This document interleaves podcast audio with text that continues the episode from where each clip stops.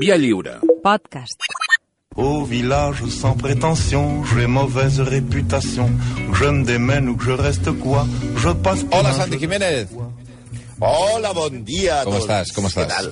Molt bé. Estupendament, magnífic. Ah, Excels. Segueixo la segona residència. Què tal, Malcom Otero? Bon dia. Perfecte, molt bé. Jo no et pregunto per la setmana, que ha sigut Sant Jordi, i, i ja, i ja tal. Diguem, Ni parlem, ni parlem. Va, eh, anem per l'execrable. Avui, Santi, qui és? Mira, primer començarem fent el resum habitual de la nostra quarantena, que progressa adequadament, gràcies per preguntar, perquè jo tinc aquí a, a, a Ratan. Ratan és el bangladeixí que tinc aquí al, a la porta de casa, que té un, un, un supermercat d'aquests de queviures, Sí. que quan surto al matí a passejar el gos ja em diu Buenos días. I quan torno em diu, vas, tengo pack de cervezas. Cada cervezas. Cerveza, senyor, cerveza. I fa... Ja et i coneix. em va dient, no, no Red Label, oi? Oi no Red Label? En canvi, o sigui, jo estic més o menys bé. En canvi, el Malcolm està fent la connexió avui des del portal de casa seva, a la porta, a la porta d'entrada, eh? Ja porta des de dimecres allà, que és quan el dia, és el dia que van dir que els nens podien sortir. No hi ha problema, perquè el portal és ampli, té molt bona cobertura, mm, li baixen el menjar, Eh, el problema és que els nens porten vestits i preparats per sortir des d'aleshores, des de dimecres. Aleshores, si recordeu, dimecres plovia molt i Eh, feia eh. fred. Mm. És a dir, que si veieu un nen demà o demà passat amb catiusques i anorac a l'estil Capitán Pescanova passejant per 25 graus sota el sol de Barcelona, heu de saber que és el fill del Malcolm. A quina hora, us, Aquest- a quina hora estareu desperts ja, Malcom? Demà? Demà a les 6 hem dit, a les 6 ens llevem. A les 6, 3 hores abans de que comenci tot, no? Home, Ens ja està preparant. Els primers que sortiran, això és com el quart inglès i les rebajas. Això és, els primers sortirem al carrer. Són les bessones, aqu- les germanes aquelles que entraven al corte inglès, allò com si fossin, com si fossin Atila i los unos entrant a les rebaixes. Bé, va a veure, és que clar, per la família es fa qualsevol cosa. I així anem al nostre personatge, que ens descobrirà que per la família va fer de tot. Per la família o les famílies, atento. Parlarem d'un home que va ser un heroi popular de tal magnitud que amb ell comença el fenomen fan tan habitual als nostres temps. La seva popularitat a la seva època era com si juntes a Messi i Michael Jordan. Era un tio que no podia donar un pas pel carrer sense que se li tiressin a sobre, literalment. A la seva època únicament era comparable la seva fama a la de Rodolfo Valentino o la de Charlie Chaplin. Parlem d'un enginyer que va ser el primer en creuar en solitari l'Atlàntic en avió i que va tenir a un país de dol sencer pel tràgic segrest i assassinat del seu fill, que tenia només 20 mesos, una tragèdia. Però, tant, però el tanto mal perla, eh? No, no, no us faci massa pena. Que era un nazi amb el pla complet de nazi inclòs, és a dir, antisemita, supremacista, eugenista, eh, balicista... Mm, Sí, tenia, tenia el pack completo. El, el test de nazi el passava, el passava en 10 sobre La 10. PCR de nazi, sí. Sí, sí, sí totalment. positiu. Ara, totalment. Serològicament era nazi. Mentider, un tipus que va mantenir, va mantenir allò que el Malcolm tanta gràcia li fa i tant el fascina, que és la doble vida familiar. Tindria problemes avui amb el confinament amb tantes famílies repartides pel món. Parlem del nostre Charles August Lindbergh, conegut només com Charles Lindbergh. Mr. Charlie Lindbergh, he flew to old Berlin. Got him a big iron cross and he flew right back again to Washington, Washington. I aquesta, aquesta cançó, ja ho sé, ja ho sé, no és friki, no ens ha passat res. Aquest és el grandiós Woody Guthrie, però ens avança coses que ja us explicarem més endavant quan arribin les cançons friquis que arribaran, no us No, preocupeu. home, Aquí ja... ja... quedar amb Woody Guthrie, ja m'estava bé. No, Va ser que no. Vaja. Aquí ja surten Hilder i el moviment American First, però no avancem en conteixements. El nostre Charles va néixer amb una bona família, diguem Sí. molt bona família. La seva mare era professora de química i el seu pare un congressista que es va destacar per la seva oposició a que els Estats Units entressin a la Primera Guerra Mundial. No volia lluitar contra Alemanya. Com veurem, la germanofília, que no és una venèria, ni intentar pillar a Alemanya a Calella en plan Alfredo Landa, Va. va anar més a la família. Com deia el Santi, a les famílies. Sí, per començar, tot i que durant la seva infantesa els Estats Units lluitaven contra Alemanya a la Primera Guerra Mundial, mm. tot i l'oposició del pare de Lindbergh, ell era fan de Von Richthofen, el Barón Rojo, l'as de l'aviació A les 12, a les 12. A les 12. A mi també m'agradaven molt les pel·lícules aquestes de... M'encantaven. I que també, però també li agradaven eh, els assos de l'aviació, eh, els herois de l'aviació, un nord-americà que es deia Eddie Rickenbacker i el francès René Fonck. El que queda clar és que li agradaven els avions i, al tanto, els cognoms alemanys. Molt. Li agradaven els avions, però no li agradava gens estudiar. No va anar a l'escola fins als 8 anys, que, que els va passar en una granja de Wisconsin fent el Mowgli entre bestioles, però quan el seu pare va anar a treballar a Washington, perquè ja era públic, eh, recorda l'escola I era com una públic? Què vols dir, tortura. ja era públic? Ja era polític, Servidor perdona. que Ah, tinc, eh, polític. Ah, És que ahir, ahir vaig tenir un quarantini a última hora, eh, que aquesta cosa de quedar amb amics per la tercera, i, i vaig fer com si fos un dia normal, vaig acabar a les 3 del matí. Vaja. Cada any cada any el canvien, es, es, es, es fa polític i eh, ell recorda l'escola com una tortura. Cada any el canvien d'escola, el canvien d'escola, això sí, 10 minuts abans o 10 minuts després de que l'expulsessin. amb, amb aquest paupèrrim, tot i aquest paupèrrim expedient acadèmic, paupèrrim vol dir el, el, pels de l'ESO, el vostre, eh, ser fill de congressista li permet entrar li permet entrar a estudiar enginyeria a la Universitat de Wisconsin, la famosa Universitat de Wisconsin, on és expulsat novament. Vinga. Ell aleshores decideix que, com té papes en pasta, tirarà de la pasta dels papes i s'apunta a l'escola de vol i mecànica de la Nebraska Aircraft Corporation. Allà es treu el títol de pilot i gràcies a la pasta dels papis es compra el seu primer avió. Home! Compraven la, es compra Molt maco, això. Pues, però clar, tampoc era un avió ah, d'aquests, allò com el de Cristiano Ronaldo. Bueno, però era només, un biplà. però només faltaria, eh, Santi. Vull dir, et compren un avió els teus pares, eh? Sí, abans et compraven... Pues, ell diu, què vols, la Play o un avió? I ell es Ah. compra un, un biplà, un Curtis JN4D, que no tinc ni idea què pot ser, però no m'hi pujaria ni boig, però ell li sap a poc. Ell vol eh, coses més potents per, per pilotar. Sí, per pilotar papinos més grans, s'allista a l'exèrcit i acaba, eh, i acaba la instrucció es trasllada a Sant Lluís, on troba feina per treballar a la línia del correu aeri. Com era molt ben plantat, fins i tot és la imatge del pòster de la companyia que anunciava el servei. Eh, home, és que, perdona, eh, era guapo, eh? Era guapo. Era un Sí, tio sí, guapo, guapo, el Charles Lindbergh. Sí, Ui, ara heu penjat una foto fa una estona a les xarxes i vull dir, un tio atractiu. Piloto, sí. piloto. Sí, sí. Piloto, piloto, sí, No sí. hi ha un, no hi ha un pilot lleig, No. excepte el de però, però això de fer sempre el mateix eh, trajecte l'avorria, òbviament, i es va buscar un gran repte. Bailar.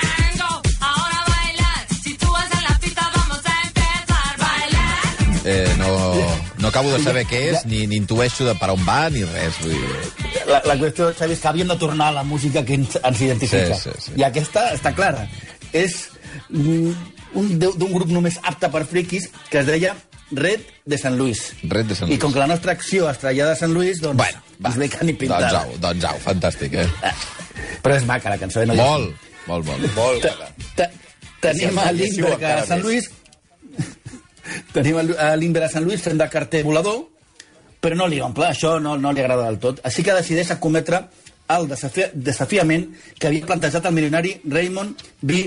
Ortega que era l'amo dels hotels Lafayette i Brevoort de New York i el desafiament, el desafiament, desafiament era el següent pagaria 25.000 dòlars a qui pogués unir De l'època, que això és important, de l'època, que deu ser un- que ara no hem fet la calculadora, però era antigues molta pasta, que, que, que, que doncs, volia unir Sant Lluís, que aleshores era una de les ciutats més importants dels Estats Units, ara la veritat és com Mollerussa, eh?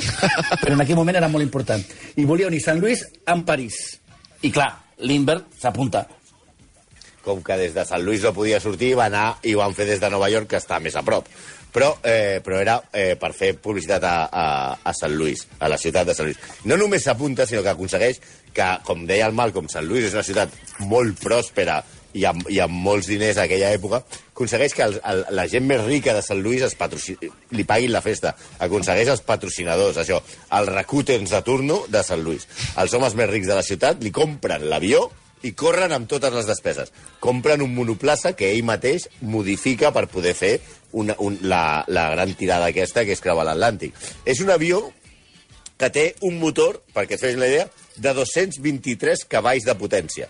És a dir, el que té ara un cotxe de gamma alta, eh? dels que fan servir aquests idiotes que van a la Cerdanya. Però en lloc d'arribar a Puigcerdà només, des de Barcelona, amb allò havies de creuar l'Atlàntic sense parar perquè no hi ha lloc on parar. El Cachivache oferia molts dubtes. Gairebé no tenia visió frontal per estalviar pres, eh, per estalviar-se el pes, no tenia frens. Home, Tampoc molt maco. falta, molt maco. Tampoc havia de frenar. Vull No, dir, no, cas és allò, tira, tira pa allà, tira pa allà, i quan vegis París, baixa. Quan li van entregar a- els burgesos de la ciutat li van suggerir que ja que li havien pagat tot, li digués en el- en l'avió Spirit of St. Louis. I ell ho va fer. I com que no hi havia Netflix, ni hi havia Disney Plus, i la Lliga suposo que devia estar parada, la parida aquesta de volar en solitari va aixecar més expectació que el capítol final de la ida de les eleccions aquesta. No, és eleccions, home. Ah, Tentaciones. El 25 Tentaciones. de maig de 1927, a les 7.52, o sigui, sembla un trillo ja, eh? Del matí, Lindbergh s'enlaira després d'haver fet 32 vols de prova de l'aeròdrom Roosevelt de Nova York. Té per davant un vol de gairebé 6.000 quilòmetres. I sense vostès es repentin ampolletes de whisky ni pel·lícules per veure. Val dir que tampoc viatjava amb Vueling. Ah, ah, Mèrit, eh? Sí, quan, informem, quan informen, a- allò es anava seguint per telègraf i tal. I aleshores l'avió, l'Spirit of St. Com que s'anava el seguint per, veuen- ta- perdona, que s'anava seguint per telègraf el què? El vol? No, que quan... No, exacte, ara t'explico.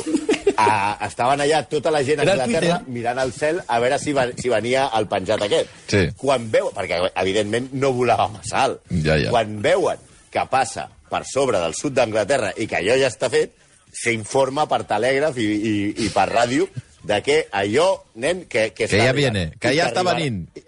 Que està venint, que està venint. I la bogeria es desferma a París. És més o menys com quan el Barça guanyava títols i a la, pell, a la gent li feia il·lusió. No com ara, que guanyen un i fan fora Valverde. No.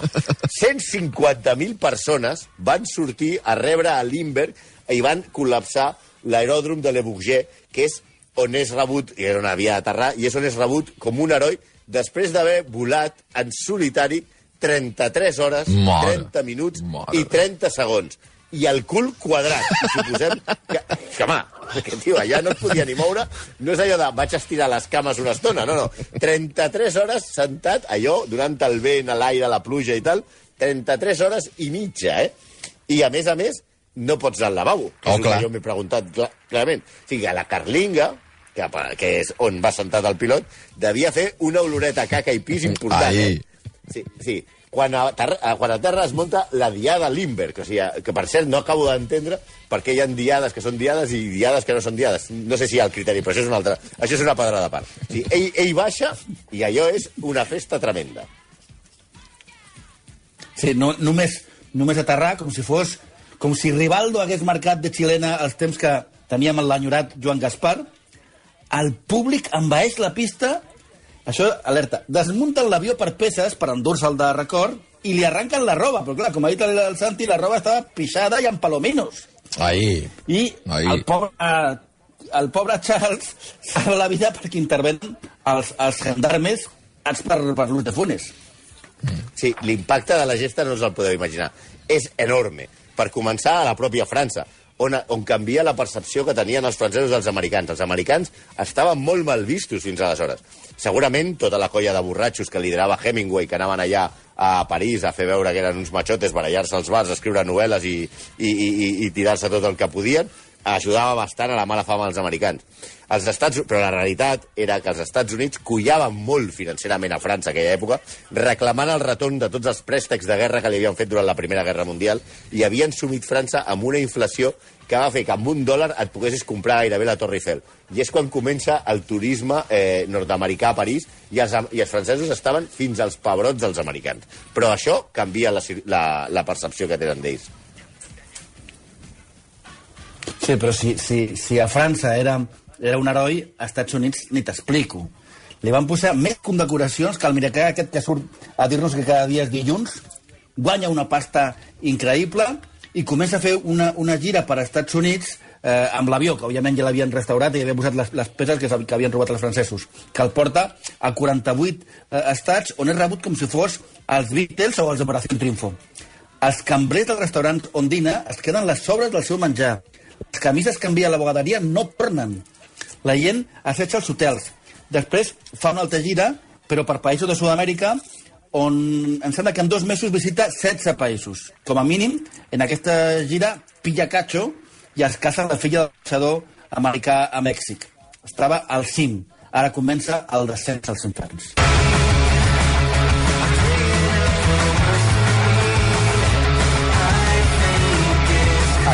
Cançó del grup Crime of the Century és el que ens ho anuncia tot. Quan semblava que ho tenia tot, la tragèdia el colpeja molt durament. Segresten el seu fill, Charles August, que tenia només 20 mesos, i demanen un rescat pel nen, o si no, diuen que el mataran, els segrestadors. Estem a 1932. Amèrica acaba de patir el crac del 29, hi ha una pobresa extrema i els delictes estaven a l'ordre del dia. Batman encara era jove i no podia fer res al respecte. El cas es converteix, com no pot ser d'una altra manera, en notícia de portada a tots els diaris d'Amèrica. És el gran heroi que li acaben de segrestar el, el, el seu fill, el, el, el bebè Limber, de Baby Limber. Fins i tot és tant l'impacte, imagineu-vos, que fins i tot Al Capone, el cap de la màfia, el, el delinqüent més buscat del món, que estava a la presó en aquella època, s'ofereix a ajudar a l'alliberament del nadó del gran heroi americà i, i surt i fa una entrevista des de la presó i ordena tots els seus pinxos de la màfia que es posin, que es posin a buscar pels baixos fons per tal de que eh, es recuperi el nen i fer-li un favor a Limber. És el crim del segle, tal com el defineixen eh, els diaris de l'època. Sí, la, la, la investigació ha acabat tràgicament i és un nyap, tot i que es destinen tots els esforços de la policia per ordre del president del, del país. Trobar en vida el bebè Lindbergh era qüestió nacional i les presses van portar a la injustícia. D'entrada, troben una nota a la finestra de l'habitació del nen on hi demanen rescat que està escrita amb moltes faltes d'ortografia. Els especialistes de la policia diuen que per les faltes l'ha escrit un alemany. La cosa es complica quan apareix un misteriós personatge que es diu Joseph Condom, que diu que un dels, eh, dels segrestadors l'ha anat a veure perquè faci de mitjancer. Com a sèrio, entrega un pijama del nen. Eh, O sigui, li li entreguen un pijama del nen al tipus anomenat Condom, és a dir, Pepe Condom. Sí. La cosa és que Lindbergh, convençut per Condom, paga els 50.000 dòlars que es paguen amb bons del tresor per rescat de, de, per- del rescat i li dona Condom. Condom queda amb el misteriós home, que era un tal Joe, que eh, corre Joe, que queden allà a, amb, amb, un, amb un cementiri, és l'home que li ha donat el pijama, i li paga aquests, aquests vots del tresor que estaven marcats i numerats per poder seguir la pista després. Però el nadó no apareix. Apareix mesos després, quan un camioner el troba mort amb una carretera. Seguint el rastre aquest dels bons, que et deien que estaven, estaven marcats pel seu número de sèrie, detenen finalment un alemany que ha pagat amb un d'aquests bons amb una benzinera. L'alemany aquest té antecedents penals i li munten una farsa de judici. Mira, la prova incriminatòria número 1 Sí. és que a casa seva troben un paper amb el número de telèfon de Condom.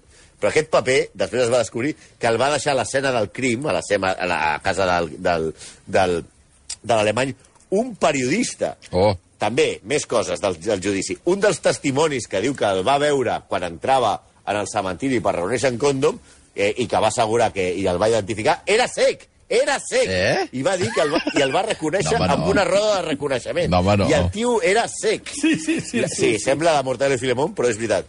Després, l'escala amb la que suposadament va accedir a l'habitació del nen des, de, des, del, des del carrer eh, tenia un, un esgraó trencat. I, I creu a la policia, fa la història, de que quan baixava amb el nen en braços, aquell esgraó es va trencar i va caure el nen, i el nen va morir perquè es va donar de cap contra el terra. Però aquella escala, que no tenia el, el, aquest ciutadà Però- alemany, no. uh, la va col·locar la policia i la va comprar la policia i li va trencar el esglaó a la policia. Fins a, mireu com va ser la cosa, que fins al cap de l'FBI, Edgar Hoover, va que era una, una persona asquerosa, va considerar que és la pitjor investigació de la història dels Estats Units. I com va acabar? Pues amb el pobre home aquest a la cadira elèctrica. hosti. Sí. El procés és un, és un espectacle lamentable. Primer acusen a Lindbergh d'haver fet desaparèixer el seu fill per ocultar un defecte físic. Després acusen a una dona del servei de casa dels seus sogres, que era innocent, i que acaba suïcidant-se pel mètode de beure una ampolla de netejar la plata. Per fugir de tot aquest, aquest liu, d'aquest liu la, la família Lindbergh marxa a Alemanya i allà on es comencen a anar pel pedregar. Simpáticos los nazis. Nazis. Lindbergh als nazis li cauen molt bé. Entre 1935 i 1939, Lindbergh viu a Alemanya i aquí és on comença la seva història execrable de veritat. Perquè es fa més nazi que el propi Hitler. Tant i que fins i tot és de, condecorat varis cops per Hermann Göring, el, el, que era el, el que manava la Luftwaffe. Ell es fa un gran admirador de la Luftwaffe, eh, ajuda la Luftwaffe a millorar els seus avions i ell sopa diverses vegades aquests sopars de divendres amb el bo d'en Adolf, que, que coincideixen amb bastantes festes. I, eh, a més de coincidir en les festes, coincideixen amb les seves idees. Es posen a parlar i diuen que Adolf i ell tenen moltes coses en comú. Per exemple, les idees antisemites i les idees a favor de l'eugenèsia, que vol dir que només han de sobreviure els que millorin la raça. Després de la, a mesura que el nazisme va, va avançant, hi ha la, fam, la, la, la infame Crystal la, la nit dels vidres trencats, on s'arrasen tots els comerços de jueus, i els Estats Units li demanen, aleshores, a, a Lindbergh que torni les condecoracions que li ha donat el Führer. I ell es nega i diu que està molt orgullós de que Hitler l'hagués condecorat. La seva dona també és molt nazi, tan nazi com ell, que, per exemple, hi ha unes, una, unes paraules de, en, en, que va escriure la seva dona en la que parla de Hitler i diu que, obro cometes, Hitler és un gran home, inspira com un líder religiós, no és gens arrogant ni avariciós, ni té ànsia de poder. No, per mi és un místic revolucionari que vol el millor pel seu país. Aquesta dona, com a analista política i per fer les enquestes a peu d'urna, no tindria preu, eh? Aquesta afició nazi de Lindbergh és la que inspira el llibre de Philip Roth, La consorcia contra Amèrica, que no és un gran llibre, no és dels millors de Philip Roth, però que ha fet una, una bona sèrie que, està fet, que ha fet mm, David Simon i que on Lindbergh es presenta com a candidat a les eleccions americanes contra Franklin Roosevelt i aconsegueix que els Estats Units no entrin a la Segona Guerra Mundial. És ficció, és el que es diu història contrafactual, però està basada en fets reals. Lindbergh va formar part del moviment Amer- American First, el lema avui de Trump, que defensava que els Estats Units no entressin al conflicte. Per què? Perquè el seu antisemitisme era extrem.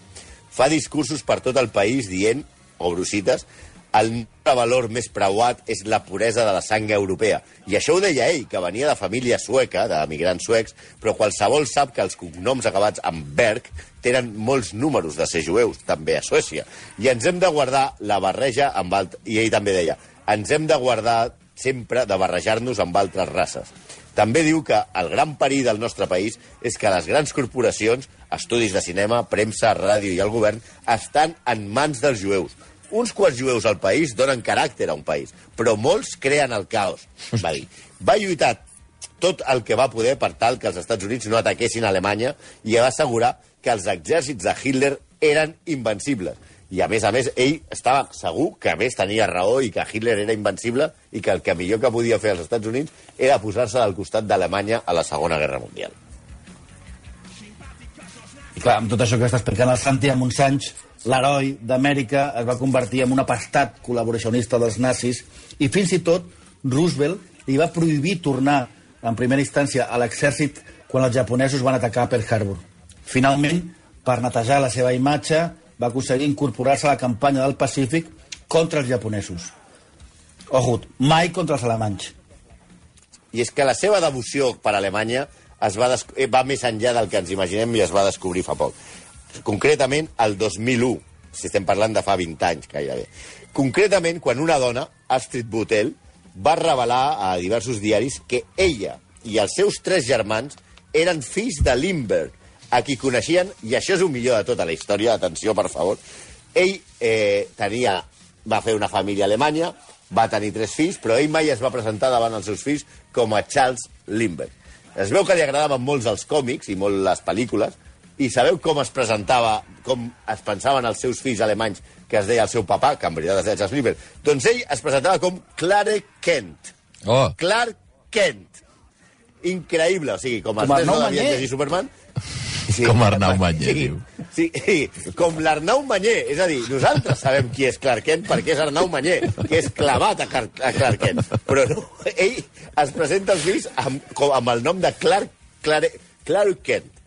El tipus, evidentment, tenia dues famílies. Una, atenció al Madelman que estava fet, eh? Tenia una amb cinc fills als Estats Units i una amb tres, a Múnich, que visitava la regularment, i la mare era una, una, una sombrerera que es deia Brigitte. La seva filla va esperar a que la seva mare morís per revelar el secret, però no se vayan todavía, que aún hay más. Sí, sí, perquè no tenia una família paral·lela, tenia una més.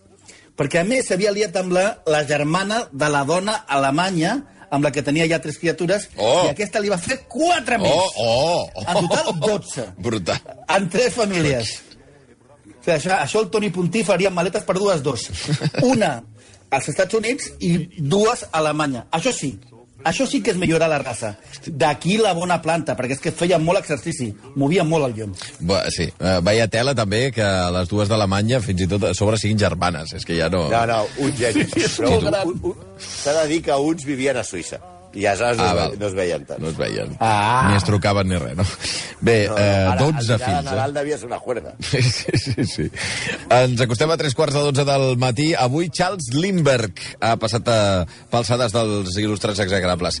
Santi, Malcolm, una abraçada ben forta. Malcolm, sobretot, eh, bueno, lleveu-vos d'hora, que és el dia de Reis demà.